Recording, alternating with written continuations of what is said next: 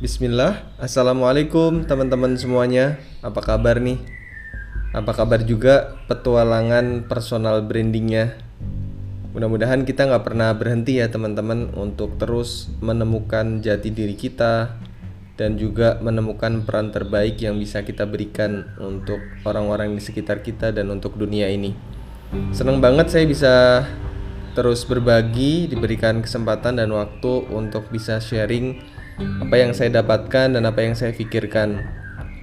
Terkadang saya mendapatkannya di uh, berupa diskusi dengan teman-teman, kadang-kadang saya mendapatkannya di buku yang saya baca, kadang-kadang mungkin di kajian, kadang-kadang mungkin di um, uh, cerita para tokoh, kadang-kadang mungkin di channel YouTube lain, atau mungkin di channel Spotify atau Apple Podcast lainnya.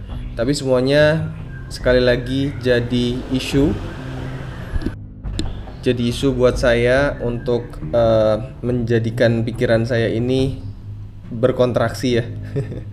Jadi uh, benar-benar berpikir belajar dari kesalahan-kesalahan yang sudah dilalui gitu ya terkait dengan personal branding dan sampailah pada hari ini menjadi isu yang saya gemari atau minat uh, saya dan hasil dari apa yang saya sharingkan ke teman-teman ini juga jadi bagian dari kegelisahan saya dan makanya saya sharing ini jadi uh, happy banget buat saya.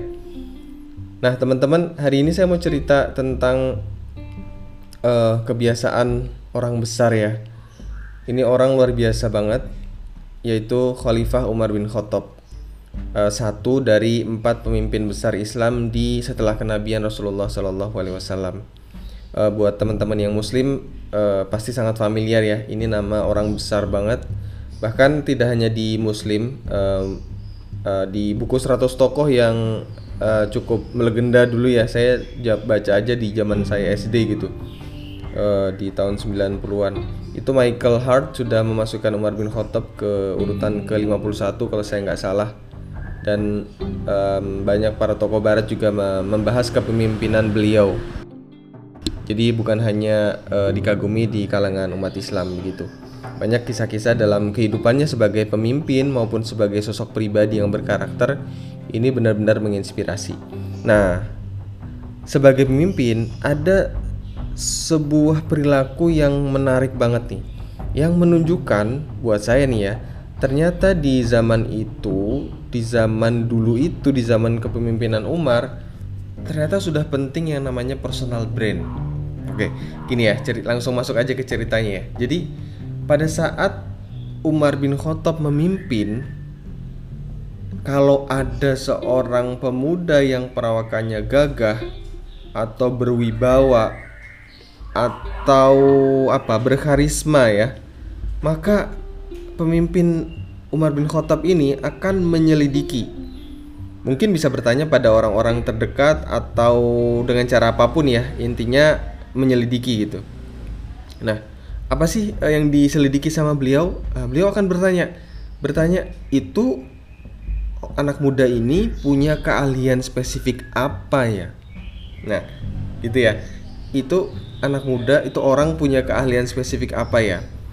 Jika ternyata dijawab tidak ada keahlian spesifik, maka kata Umar bin Khattab, jatuhlah pandanganku terhadap mereka jadi dianggap agak kurang bernilai gitu. Nah ini buat saya statement dan kisah di sirah Umar bin Khattab uh, sejarah Umar ini yang sangat menarik begitu. Ini membuktikan bahwasanya mungkin dulu belum ada teori personal branding gitu ya. Tapi personal brand ini sudah menjadi landasan berpikir orang sejak lama begitu. Bahkan di bahkan di zaman-zaman itu gitu ya. Uh, Umar kan uh, apa ya berkuasa di tahun 634 Masehi ya sampai 644 begitu.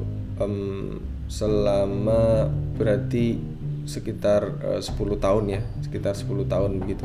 Nah uh, artinya tahun 600-an Masehi loh ya bukan Hijriah ya. Kalau Hijriahnya kan sekitar tahun 13 atau 2, 13 Hijriah ya kalau nggak salah.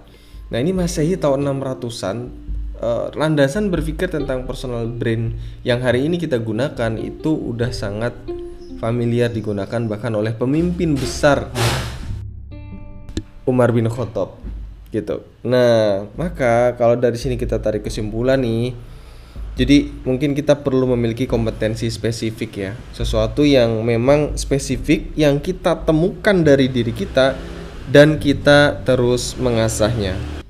Lalu ketika kompetensi ini kita asah dan semakin semakin kita expert di dalamnya maka pastinya ini akan dicari orang gitu.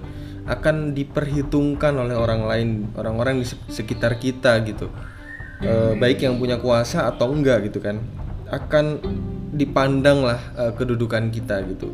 Sebagaimana kita belajar dari pemimpin besar tadi ya Umar bin Khattab bahwasanya e, pandangannya jadi jatuh gitu. Jatuhlah pandanganku terhadap mereka begitu. Agak-agak wah kurang nih gitu. Ada yang kurang gitu ya sebagai pemimpin kita bisa merasakan ya.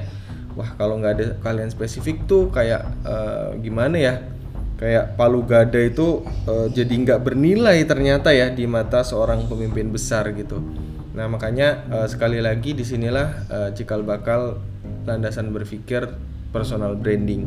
Kita harus memulai dari uh, keahlian spesifik kita yang kemudian kita asah dan kita menjadi expert di dalamnya. Dan um, di situ kita uh, menjadi dipandang atau dilihat oleh uh, orang lain, orang-orang di sekitar kita minimal dari situ dulu. Yang secara konsisten dalam setelah kita expert ini otomatis kita akan terus uh, mengkomunikasikannya kan, karena orang jadi jelas gitu, orang jadi gampang ingetnya. Uh, sebagai ilustrasi misalnya uh, kita bisa nge-save seseorang kan dengan uh, apa ya perannya gitu ya atau gelarnya atau dalam bahasa kerennya dalam bahasa brandingnya itu positioning gitu. Misalnya contoh uh, si si Ahmad Galon gitu. Ketika si Pak Ahmad ini adalah seorang uh, tukang galon atau air isi ulang yang bisnisnya itu gitu. Kita bisa nge-save itu gitu. Uh, atau positioningnya mungkin tempat kita bekerja ya kan uh, atau bisnis kita gitu. Atau keahlian-keahlian kita gitu. Misalnya Abdul videografer gitu ya atau Umar uh, fotografer gitu.